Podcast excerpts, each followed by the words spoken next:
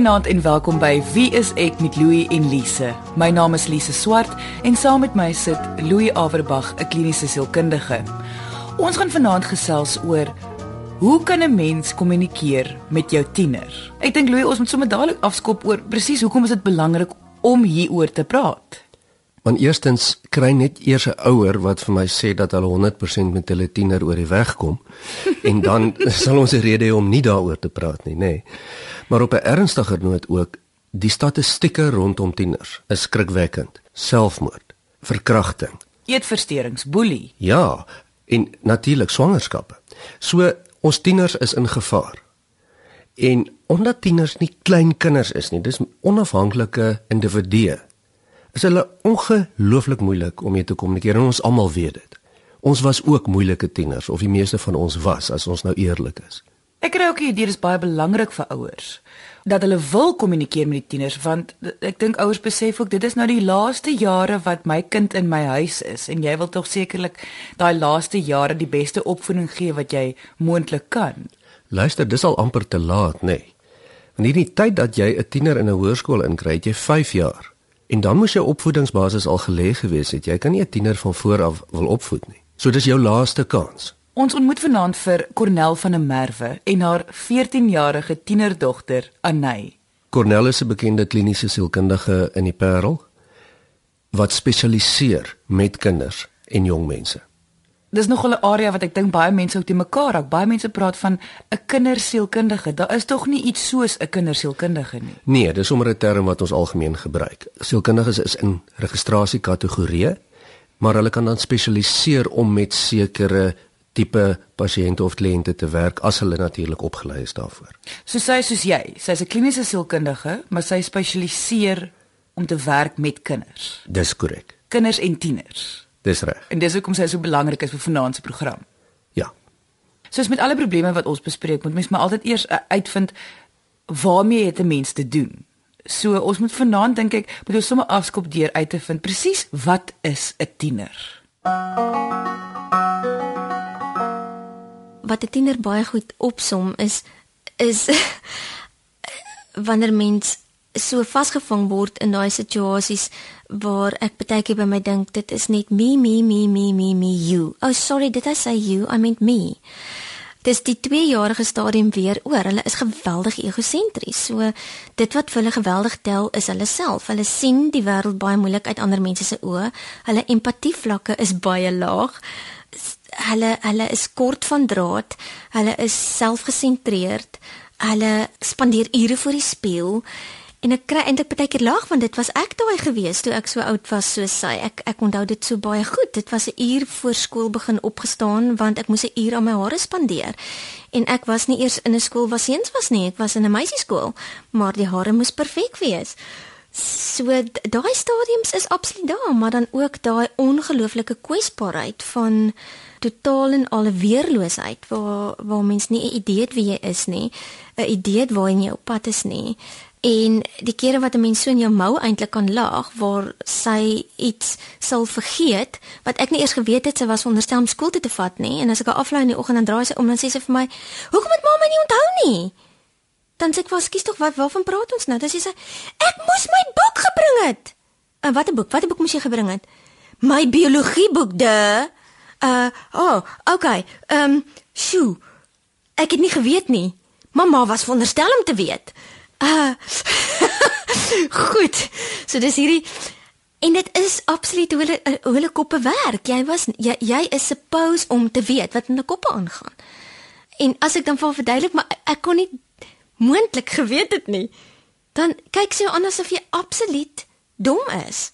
Hoe kon jy nie en dit is ongelukkig hoe dit is op hierdie stadium. So dit help nie mense raak kwaad nie. Jy moet jou humor sin in hierdie stadium behou. Dit is net hoe hulle is. En ook onthou dat ons was werklik waar ook so gewees. Ons was daar. Dink bietjie mooi. Wat ons moet onthou van tieners is dat dit is vir die tiener verskriklik belangrik om te voel dat hierdie tiener 'n magsbasis het.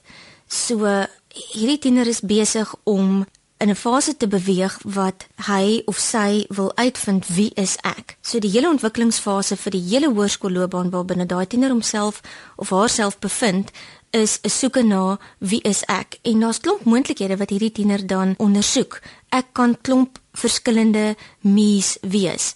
En ek dink dit is wat ons ook so vreeslik wisselvallig in ons tieners sien. Hulle is die een dag hierdie een en hulle is die ander dag 'n ander ene. Want dit alles gaan oor 'n identiteit soeke. So daar's klomp verskillende personas amper wat uitprobeer word op soek na daai identiteit van wie is ek regtig waar. So dis vir die tiener verskriklik belangrik dat daai sin van wie is ek nie aangetast word nie. En dis amper soos 'n heiligdom vir hulle. So die laaste ding wat hulle eintlik wil hoor is dat hulle gesê word.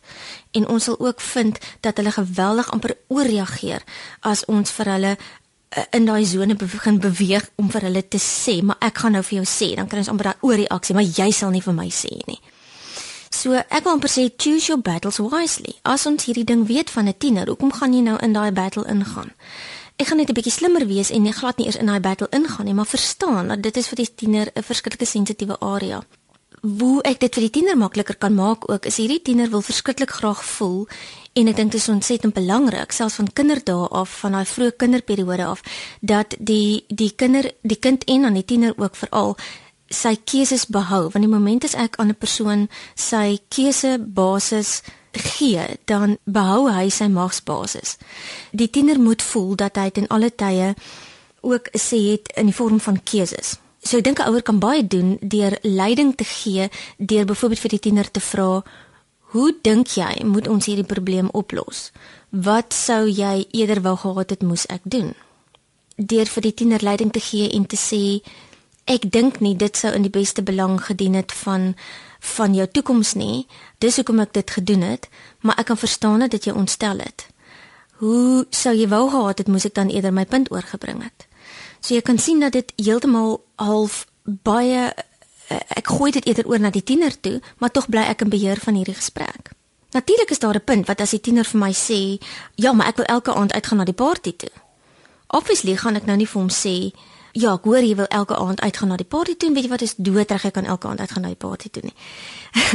Dis hierso waar mens moet dan die boundary gaan inbring en sê, weet jy wat, ek bly die ouer in hierdie hele verhaal en dit is my werk as ouer om jou te beskerm ek dink nie dit is in jou beste belang om elke aand uit te gaan nie, maar kom ons praat oor waar waar kan ons die streep trek? Ek verstaan jy wil bietjie meer begin explore, ek verstaan jy wil bietjie meer uitgaan.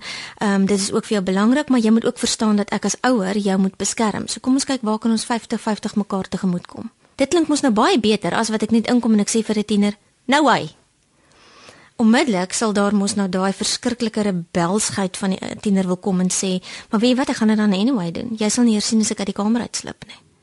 Daar beam Cornel dit dan ook vir ons baie mooi. Die eintlike belangrike ouerskapsjare kom in die voorhoërskooljare, nê. Nee. Dit is waar die grondslag gelê word. Eintlik, ideaal gesproke as mens dan by 'n tiener kom, moet mens net so bietjie die die greep kan verslap en eintlik dit kan geniet. Dit is so teenstrydig met alles wat 'n mens wat 'n mens weet van 'n tiener. Dit dit so so wat jy eintlik sê is jou opvoeding doen jy terwyl die kind nog klein is. Ja. En dan moet jy kan vertrou dat jou opvoeding was goed genoeg dat 'n tiener sal die regte keuses maak en die regte ding doen. Ja, want wat meer kan jy doen? Onthou, 100 jaar terug het tieners van 15, 14 en 16 oorlog gemaak. Dis individuele mense wat individuele besluite kan maak, maar omdat dit nog nie volwassenes is nie en ons weet dit, sukkel ons as ouers om daardie balans te hou. Wanneer laat ons gaan en waar is dit ons plig om om op te tree? En ek dink ook ouers kom ook agter dat hulle kinders tog nog steeds daai behoefte het om ouers te hê. Dis nie asof 'n tiener, 'n tiener het nog steeds nodig dat iemand moet vir hulle sorg, daar's nog steeds die basiese speeltog ja. nog sekerlik. En emosionele veiligheid. Ja. Maar dit beteken nie dat die tiener dan jou besitting is wat slaafs jou gedagtes moet volg nie want 'n tiener per definisie is 'n rebel. En dis 'n gesonde ding, né? Dis 'n baie goeie ding. Want dit is dan in die proses om sy of haar eie mens te word. Eie identiteit. Ja, en dis jou plig as ouer om dit toe te laat en en ek wil amper sê te ontgin en teelaarde te sit daarvoor. Jy's nie daar om jou tiener mee te bestry en soos jou te laat dink nie. Jy is die groot mens.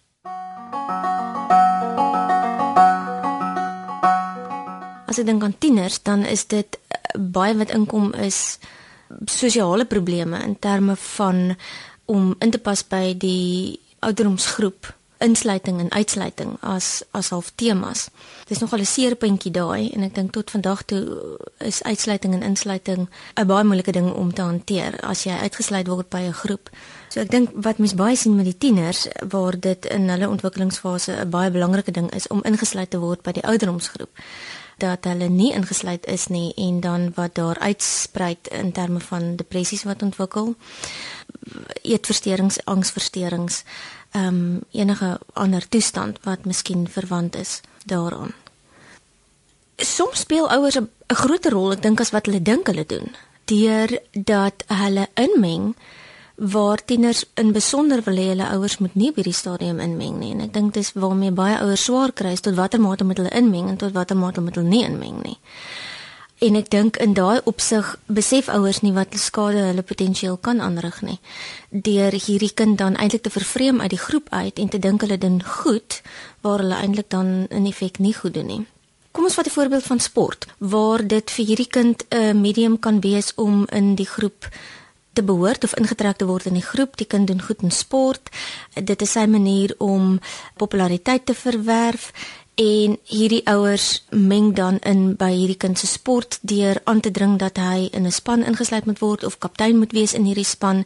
Kom ons sê die kind word nie gekies as kaptein nie en nou is hierdie ouers baie boos en hulle skakel die ander kinders se ouers of die ander kind wat dan kaptein tot kaptein verkies is of hulle skakel die skool en hulle maak nou regtig sommer moeilikheid en sê maar hulle is baie ongelukkig daar dat hulle kind nie tot, tot kaptein gekies is nie.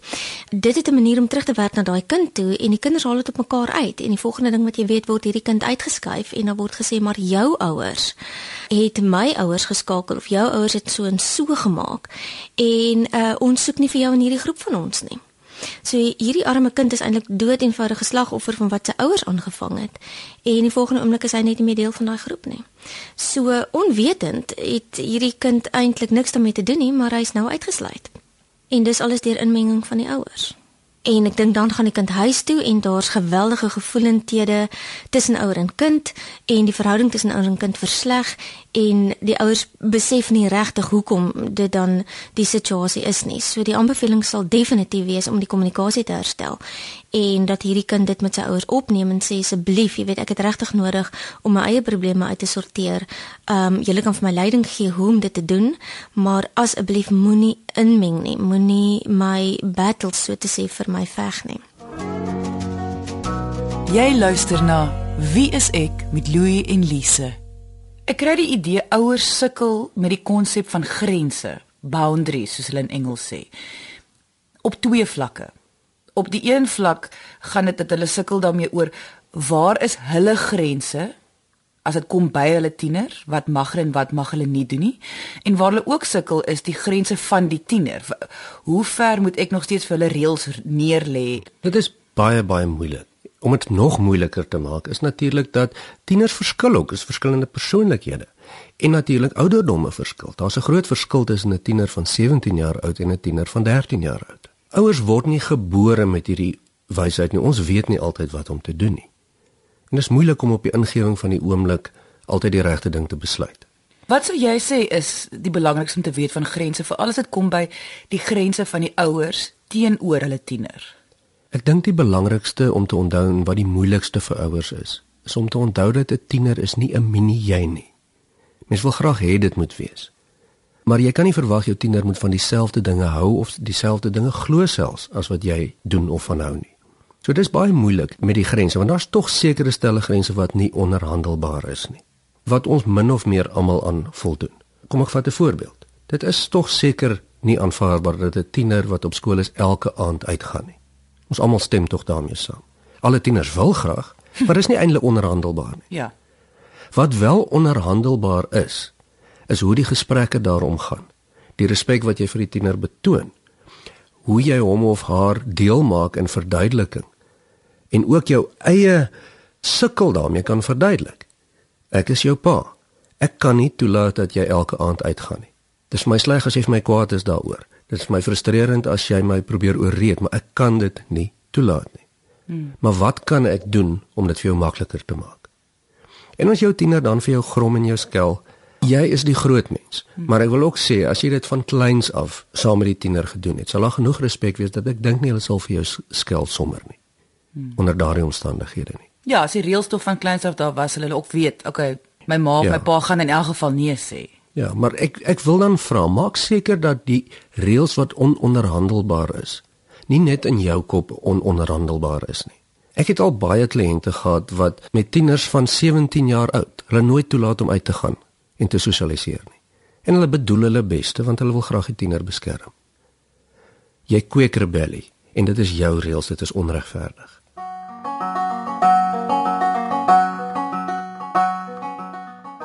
Ouers kry swaar met grense waar ons baie keer ouers kry wat te rigiede grense stel en ouers wat glad nie grense stel nie. So dis maar soos ehm um, goue lokkies in die drie beere wat net die regte grens die regte een is en dit is moeilik om te weet waar is net die regte grens.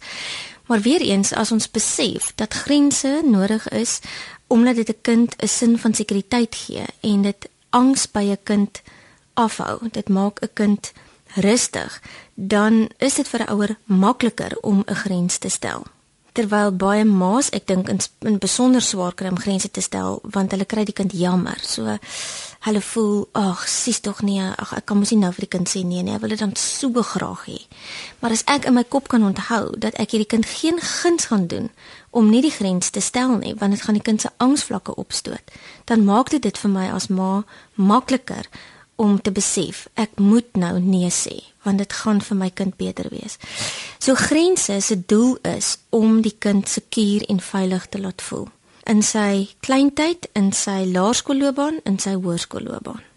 Die grense begin, ek sê altyd dis soos 'n skuifknop om iemand se nek. So jy begin baie styf en dan soos die kind ouer word, kan jy daai skuifknop 'n bietjie losser maak, bietjie losser maak, bietjie losser maak en sy ruimte van beweeg 'n bietjie breër maak soos wat die kind ouer word en soos wat hy tiener word, gaan ons dit ehm um, sy beweegruimte vir hom bietjie meer maak, want daarmee saamkom ook verantwoordelikheid. Hoe meer vryheid ek jou gee, hoe meer ruimte ek jou gee om te beweeg, hoe meer verantwoordelikheid kom daarmee saam.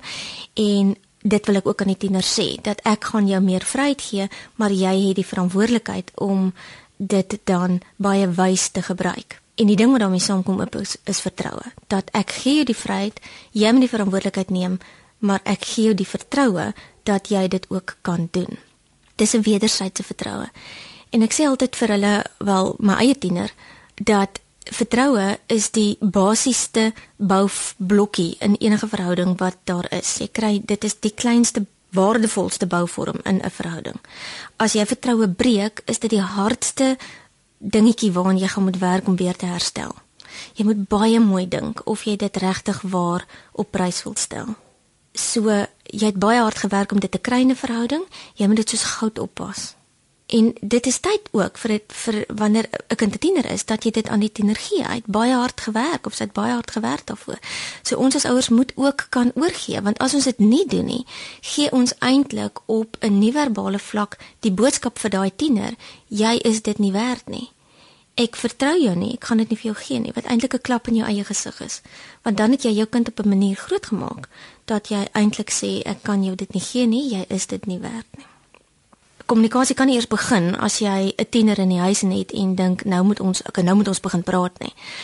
Ehm um, ek dink dis iets wat 'n mens daar wil bewerkstellig van 'n baie jong en klein ouderdom af. En ek dink 'n goeie manier om dit te doen wat ek altyd aanbeveel vir ouers is om die huisvergadering daar te stel van 'n baie jong ouderdom af want ek dink dit gee almal 'n platform om hulle sê te kan sê. So as 'n mens dit as 'n gereelde instelling kan hê in die huis waar ons kan sê enigiemand kan 'n huisvergadering roep en sê ek het iets waaroor ek ontevrede is en ek wil daaroor praat en so ek wil hierdie week 'n huisvergadering of 'n beurt hê, 'n spreekbeurt hê op die huisvergadering. Dan is dit 'n instelling van 'n klein tyd af waar daar 'n geleentheid kan wees om my sê te kan sê. Ek het 'n forum waar ek gehoor kan word en daar kan dan oplossings ook van kom as daar iets is waar ek ongelukkig is en ek wil daaroor praat. So dis 'n baie goeie tegniek om van kleinstyd af daar te hê waar hierdie kind dan kan voel dat hy is nie hulpeloos in hierdie situasie nie. Daar kom iets van sy ongelukkigheid of iets waaroor hy wil praat en daai kommunikasie kan bevorder. Ek dink die reëls van huisvergadering is dat elkeen geleentheid het ouers en kinders om te kan sê waar hulle ontevrede is, wat hulle graag sou sien moet verander word en dan ook waaroor hulle tevrede is. I mean, mens moet dit nie net sien as 'n forum waaroor daar gekla kan word nie, maar definitief ook 'n plek waar ouers byvoorbeeld vir kinders kan terugvoer gee en kan sê, "Jesuslike Boeta of Sissa, ek sien jy het regtig hierdie week soveel beter met jou broer oor die weg gekom en ek wil net sê ek is ontsettend trots daarop." So dit is juist daai platform waarop gekommunikeer kan word en terugvoer gegee kan word. Ek dink dis 'n fantastiese voorstel, 'n huisvergadering. Dis 'n wonderlike voorstel. Ek dink baie mense wil dit hê, maar ek, ek baie keer kan 'n huisvergadering totale chaos veroorsaak. Mense het ook 'n idee van soos Kersfees waar die families so mekaar kom en nou ewe skielik haal almal alles uit. Maar ek dink hoe vroeër mens begin hiermee, hoe beter is dit. Natuurlik, en dit is dan ook waar die reël ding nou inkom, nê. Nee. Hmm. Die reëls is baie belangrik. Grense. Ja. Dit hoef nie onderhandelbaar te wees dat daar 'n huisvergadering moet wees nie. Almal moet nou wees. Dit, dit is mos nou jou reg as ouer, nê? Nee. Ja. Die reëls dan van so 'n huisvergadering dink ek sommer afhang van gesin tot gesin, maar ek dink daar's basiese reëls van kommunikasie. Gee vir almal 'n kans om te praat. Gee vir almal 'n kans om klaar te praat. Hoeveel van ons onderbreek nie tieners omdat ons dink hulle is onlogies of hulle sê simpel dinge nie? of jou antwoord is al klaar nee, so jy wag nie tot hulle klaar gepraat het nie. Ja. Hoe sal dit vir jou voel as iemand dit met jou doen? Jy weet, of is jy dan ook so almagtig dat jy al die antwoorde het? Tieners verwag nie jy moet alwetend wees nie, maar hulle verwag wel dat jy ten minste sal probeer verstaan wat hulle sê en erkenning gee daaraan. Want hoekom sal iemand met jou praat as jy hom heeltyd doodpraat of nie na hom of haar luister nie? Ek dink ook 'n huisvergadering hoef nie 'n uh, 'n stryery te wees nie, daar hoef nie 'n konklusie te wees nie, daar hoef ook nie net negatiewe goed gesê te word nie. Ek stem saam met Cornel. Kom ons sê ook bietjie vir mekaar wat ons waardeer en wat ons goed reg gekry het. Selfs al is dit eenvoudige goed, soos dankie dat jy jou kamer skoon gemaak het hierdie week en sulke goed. Ja, kyk alle tieners sal vir jou sê, al wat my ouers met my doen, hulle moan met my. Ag en ek weet dit is nie altyd waar nie, maar hulle is baie gewoond aan negatiewe kritiek heeltyd. En weet jy, dit maak mens dikvellig. Ek kan selfs dink dat toe ek 'n tiener was, sou ek dit waardeer het aan my ma.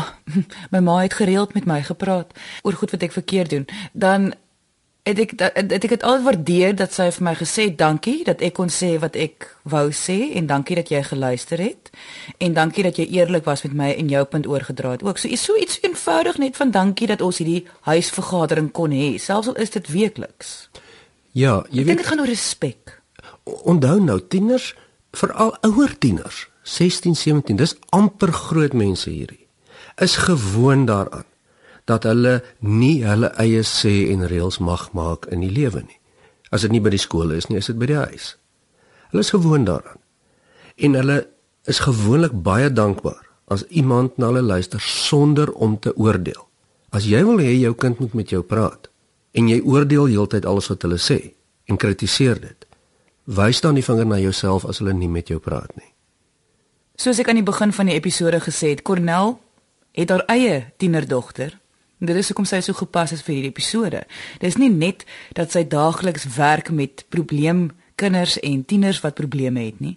Sy het ook haar eie tienerdogter wat 14 jaar oud is. Haar naam is Anay. En ek wou graag by Anay gehoor het, voel sy dis 'n voordeel of 'n nadeel dat haar ma 'n kliniese sielkundige is? En kom sy agter dat daar 'n verskil is tussen haar en haar vriendinne, dat sy uit 'n huis uitkom waar daar duidelik baie gepraat word met mekaar.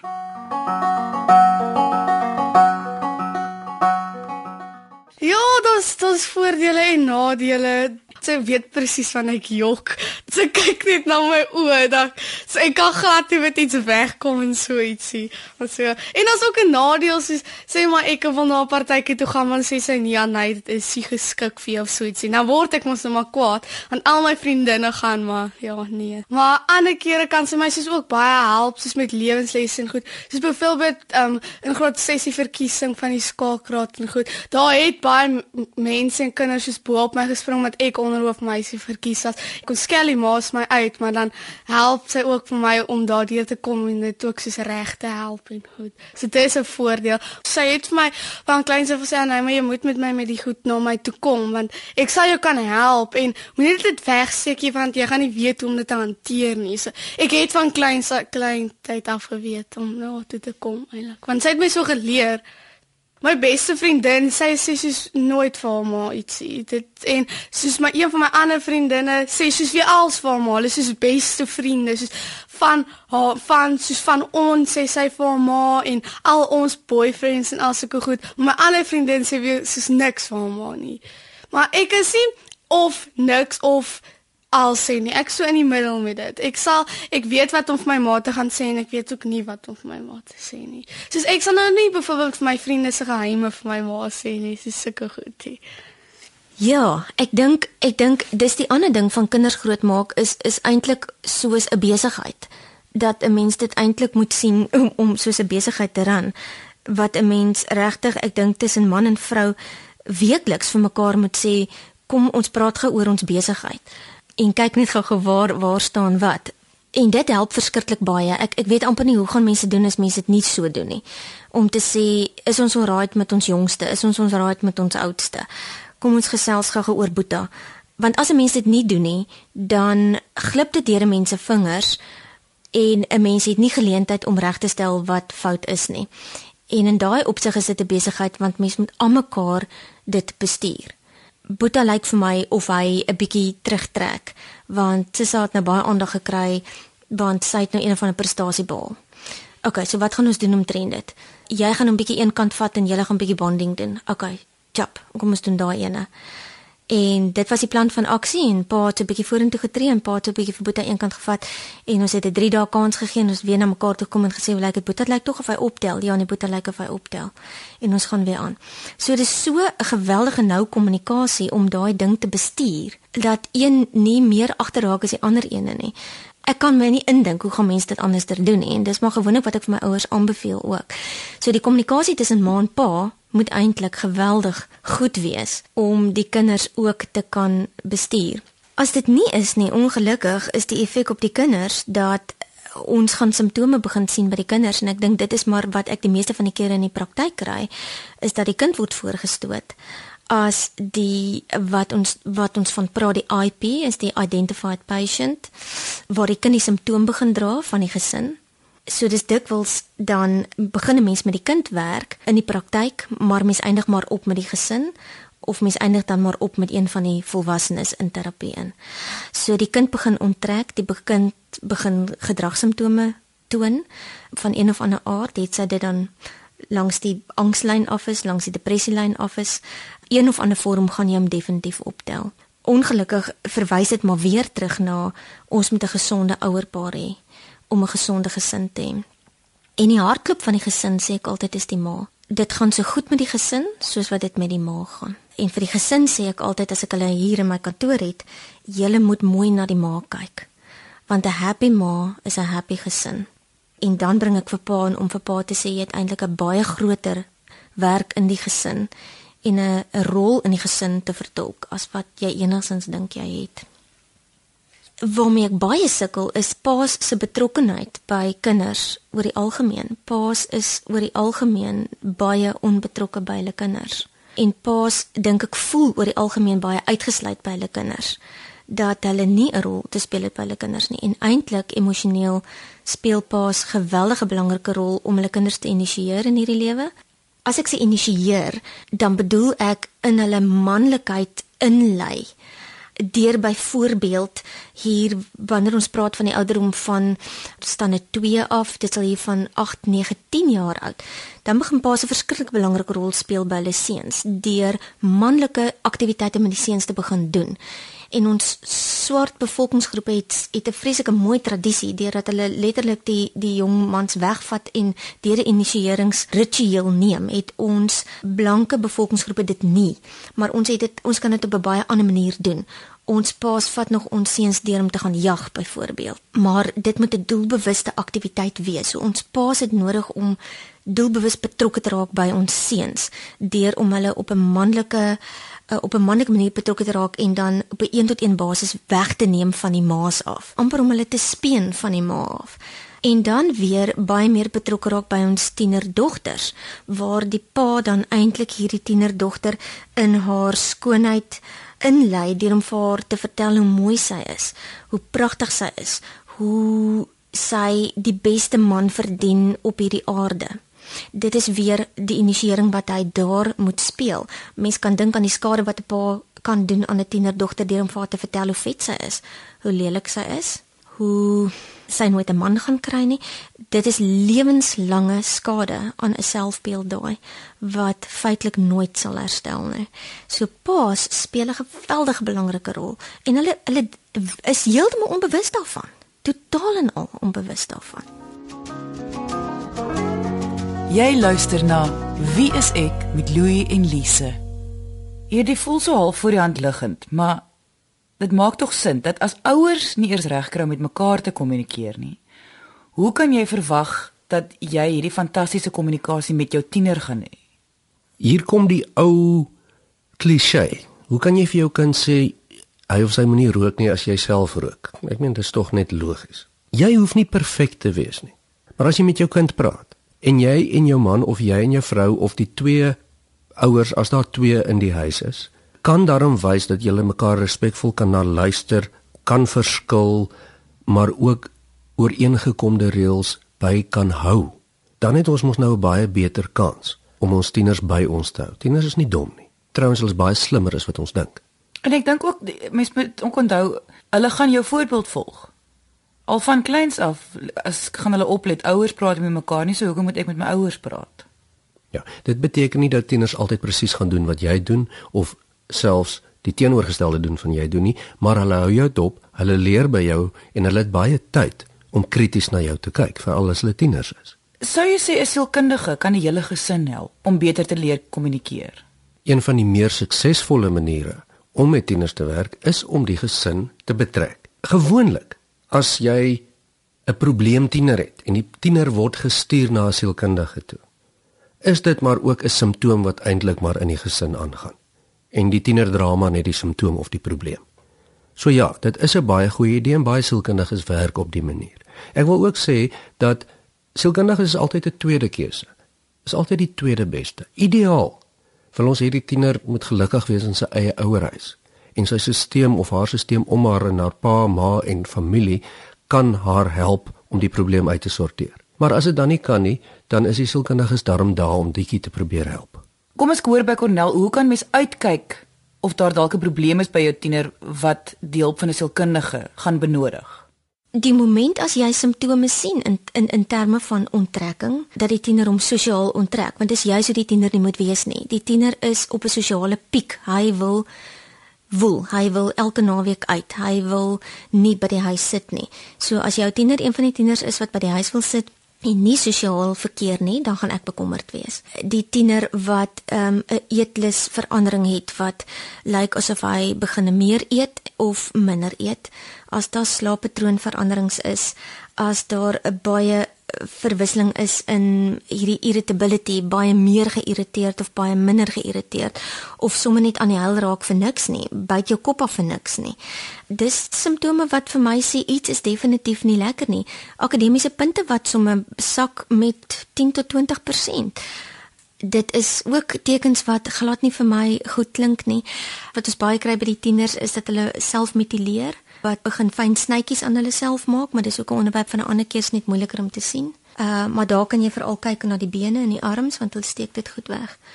As jou kind 'n sielkundige wil sien en jy as ouer neem jou kind na sielkundige toe, is dit juis 'n teken dat jy 'n baie besorgde goeie ouer is want jy het opgetree in die beste belang van jou kind. Maar ek dink daar's nog 'n bietjie die persepsie van jy moet halfmal wees voordat jy gaan of ek kan hom nie my kind na sielkundige te stuur nie. En ons moet wegkom daarvan. Ek dink is weer daai ding moenie te lank wag nie. Ek dink inteendeel, dit doen die tieners verskriklik goed om te gaan. Ehm um, Dit is so lekker om net 'n space te hê waar jy net jouself kan wees. Ons praat altyd van 'n safe and protected space waar jy net jou sê kan sê en waar hulle net raad kan kry en ek wil amper sê hulle, self kan hoor dink en hulle self kan wees. Ek dink ouers moet oop gesprekke met hulle tieners hê en vir hulle die keuse gee Baie wanneer ek ouers het wat my bel of vra, moet ek my kind stuur of nie, sal ek sê vra jou kind. Jou kind sal die beste weet of hy wil gaan of nie. Jy kan in elk geval iemand dwing om te kom nie. Veral nie 'n tiener nie. Hoe gaan ons hom nou sleep aan sy ore? So vra jou kind, wil jou kind kom of nie? En ek eh, verstommend genoeg sê 8 uit 10 van daai tieners hulle wil kom asseblief. Ek dink dit is belangrik om om hierdie tipe kom ons noem dit nou simptome op te let. Want soos aan die begin van die episode gesê, daar's soveel probleme wat deesdae onder tieners voorkom. Geweldig. Tieners kry ongelooflik swaar. Soos Cornel vir ons wys, 'n algemene aanduiding en dit geld eintlik vir almal, nie net vir tieners nie. As jou prestasie skielik agteruit gaan, as jy skielik onttrek van jou belangstellings of dit nou met jou maats is en al was jy volwasse by jou werk, is dieselfde proses, nê. Ons weet tieners is van nature broeierig en hulle is omgeëlie, maar jy sal weet as daar 'n verskil is tussen hoe die tiener gewoonlik is en as jy nou regtig sit met iets wat anders is as gewoonlik. Ja, die groot die groot geheim is gewoonlik teenoor ewe skielik. So as dit so vir 2 weke na 3 mm. weke aangaan, dan moet jy begin agterkom, okay, wag, ja. hier is dalk nou iets verkeerd. Ja. En kyk, dit is nou goed en wel om jou tiener dop te hou en na hierdie tekens te kyk. Maar dis baie beter om 'n verhouding met die tiener te hê waar hy of sy dit vir jouself vertel en dit met jou deel. In al ons vorige episode het ons al gepraat van angs en depressie en posttraumatiese stres. Al hierdie toestande wat as 'n potgooi geluister kan word op RSG se webwerf www.rsg.co.za. Maar daar verwys ons altyd na as hierdie toestande net vroeër gediagnoseer kon word, kon die persoon 'n beter lewe al klaar vinniger gelei het. En ek dink dis tog ook die punt wat mense hier probeer maak. In ons depressie episode het 'n vrou vir meer as 30 jaar gesukkel en sy was al 'n depressieleier as 'n tiener. Ons angs episode, weet ons die angs, die man wat angs gehad het, het is al vir meer as 40 jaar met angs en hy het al angs gehad as 'n tiener. As hulle ouers byvoorbeeld dit toe al agtergekom het. Dit is heeltemal reg en dit beteken nie jy moet nou na elke sielkundige toe hardloop met jou tiener nie. Tienerskap is 'n swaar tydperk sorg dat jy saam met jou tiener dan kan leef en kan verstaan sodat julle saam kan hulp soek as dit nodig is nê nee, en ek stem saam met jou. Dat ouers doen dit baie keer nie want hulle voel skuldig. Hulle voel dit reflekteer op hulle as ouers. Ek is nie 'n goeie ouer nie en daarom het my kind probleme. Ons is almal mense dis nie waaroor dit gaan nie. Ons probeer maar die beste doen met wat ons het. Hulle As ek begin lelik praat, sal hulle my uitskan, maar ek gaan kwaad word en dan sê hulle net vir my, "En ek verstaan jy is nou kwaad, maar dit is net maar so." En dan dan word ek bitter kwaad, maar dan gaan ek maar net aan my kamer toe want net want hulle gaan my uitsê as ek lelik met hulle praat en soos begin op hulle skree en goed, maar ek raak definitief baie kwaad. En wat sê die boeke kennis wat mens geleer het. nie altyd so eenvoudig is is dit kom by jou eie kinders nie. En ek dink die die wonderlikheid daarvan om eie kinders te hê is waar mens absoluut besef dat ek net so gekonfronteer word met die hulpeloosheid van 'n ma en dan by myself dink dit staan net op geen bladsy in geen boek nie. Hoe kan dit wees? Ek het net geen antwoord of geen raad nie. Ek raak ook moedeloos en het lus om al die verkeerde goeders te sê. Wat ek vir my siel weet gaan nie nou die regte dinge wees nie En dan partykeer doen ek dit sommer net. Ek sê nie sommer al die verkeerde goeders en dan gaan sê ek maar na die tyd, ek is verskriklik jammer. Ek het nou al die verkeerde goed gesê, maar weet jy, ek was net so gedaan en so nie lus om die regte goed te sê nie. Want op 'n ander van die dag is ek ook maar net 'n mens en ek is ook maar net 'n ma en ek raak ook maar net moedeloos. En dit is baie taai om 'n tiener in die huis te hê. 'n Mens moet geweldig geduld hê. Ek dink die beste raad is ons raak moedeloos met ons tieners moenie tot hulle vlak gaan in die sin van onthou altyd jy's die parent. As ek sê vlak dan bedoel ek jy's die parent, hulle is die child. Moenie jy ook 'n child raak nie. Deur om te sê as hulle vir jou sê gaan uit my kamer. Deur te sê Nou maar goed, dan gaan ek maar eers uit jou kamer uit nie. Dan raak jy ook 'n child. En en en wat ons dan in effek doen en daar kom die logika weer in. Ons gee daai kind eintlik 'n klomp angs op daai oomblik. Want waar is haar safety dan? Hier sit sy met klomp guilt op daai oomblik want die ouer het nou sy sy het nou hierdie ouer weggejaag en nou hierdie ouer weggegaan en nou voel sy eintlik sleg en sy kan nie om verskoning gaan vra nie en sy sit nou met 'n klomp gemengde gevoelens binne in haarself in. Kom ons vat die ander scenario. Het ek op daai oomblik vir my kind gesê, "Oké, okay, ek weet jy is nou baie ontsteld of jy is nou baie geïrriteerd. Dit gee jou nie die reg om met my so te praat nie. Ek sal wel uit jou kamer gaan." So vergelyk die twee met mekaar. Daar het ek my parent gedeelte behou deur hom vir haar te sê jy kan nie so met my praat nie, dit is nie aan nie.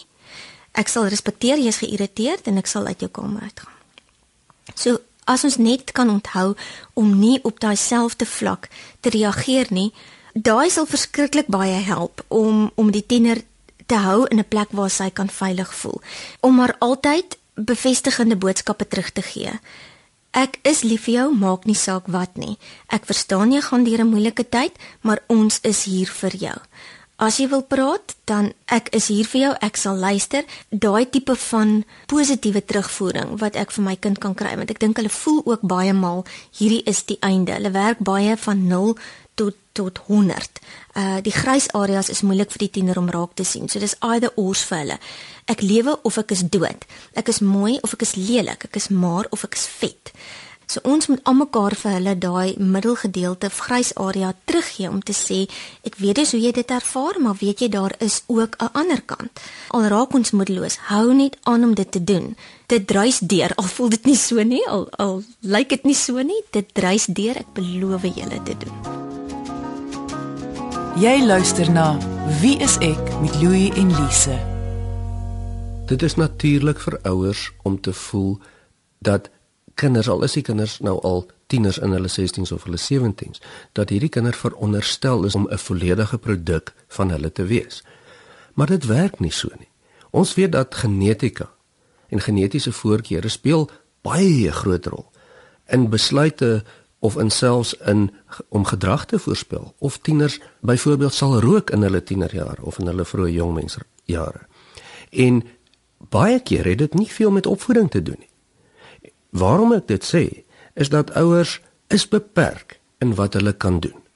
En ons almal wil graag die beste vir ons kinders doen. En dit is dan waar die verskil in kom tussen is jou tienerkind 'n besitting of is jy 'n begeleier van hierdie persoon want dit is 'n persoon op 'n pad waar daar 'n goeie verhouding met jou kan wees en daar hooplik 'n goeie morele grondslag is en julle ten minste met mekaar kan praat in die toekoms. Maar die groot ding is daai vorm van kommunikasie moes al begin het toe die tiener 'n kind was. Jy kan nie wakker skrik hier in tienerjare en besluit Luister, nou moet ons begin praat nie. Dit kan gedoen word, maar dit is ja, baie baie moeilik. Ja, ek glo dit kan gedoen word. Absoluut. En jy het net 5 jaar. Maar jy het net 5 jaar. Dis As jy eindelijk, gelukkig is, nee. Ja. In ons gesprek vanaand met Cornel en met haar dogter, het ons gesien tieners is moeilik. Dis 'n moeilike stadium en daar's redes daarvoor. En ons sien dat dit baie help as mens 'n grondslag van voor tienerstadium nog kan lê van kommunikasie. Waar die tiener met jou wil gesels. Jy weet en Cornel het vir ons goeie idees gegee. Gebruik 'n huisvergadering. Gee keuses vir jou tiener. Maak los die strop hoe ouer hulle word. Hulle gaan dit in elk geval self wil losbreek. En is dit nie beter dat as hulle dit wil losbreek dat jy kan leiding bied daar in plaas van dat hulle dit alleen moet losbreek en probeer om hulle self alleen te vind nie? Dit is absoluut so. Want wees verseker, hulle gaan dit probeer vind. En as jy dan nie wil begelei nie, gaan hulle dit op 'n ander manier doen. Maar gee tog die tiener die geleentheid om dit op haar of sy manier te kan doen dit is tog die punt want dit is wat 'n tiener is. Dis die tyd en die stadium in jou lewe waar jy jou eie identiteit moet vind, wie jy is. Nie wie jou ouers is nie, wie jy is. Ja, en dit is jou taak as ouer om dit vir jou kind moontlik te maak en die grondslag daarso te gee dat hy of sy dit kan doen. En dan die groot ding is is om ook te besef dat baie dinge gebeur met tieners en hulle gaan nie praat daaroor nie. Maak nie saak hmm. hoe goed die kommunikasie in die huis is nie. En as mens mooi kyk na of hulle onttrek en hoe hoe hulle patrone verander en hulle gedrag verander ewe skielik. Moenie dink dat dit 'n probleem is om 'n sielkundige te gaan sien nie. Kom verby daai stigma dat, dat jy het iets verkeerd gedoen of jou kind daar's iets met jou kind ernstig verkeerd. Die hulp wat 'n sielkundige jou kind kan bied, gaan lewenslank wees. Ons is ongelukkig aan die einde van die episode. Indien jy enige vrae het oor jouself as ouer of vrae het oor jou tiener, kan jy ons gerus kontak of onder ons Facebookblad by Wie is ek met Louie en Lise of jy kan gaan na ons webwerf www.wiekoppeltekenis.ek.co.za. Al die nodige besonderhede is onder kontak ons. Baie dankie aan Cornel van der Merwe en haar dogter Anay dat hulle vanaand hulle stories met ons kom deel het. En dankie aan jou as luisteraar dat jy vanaand ingeskakel het. Ons maak weer so volgende Dinsdag aand net na die 11uur nuus hier op RSG. Jy moet 'n heerlike week hê he, en onthou, kyk mooi na jouself.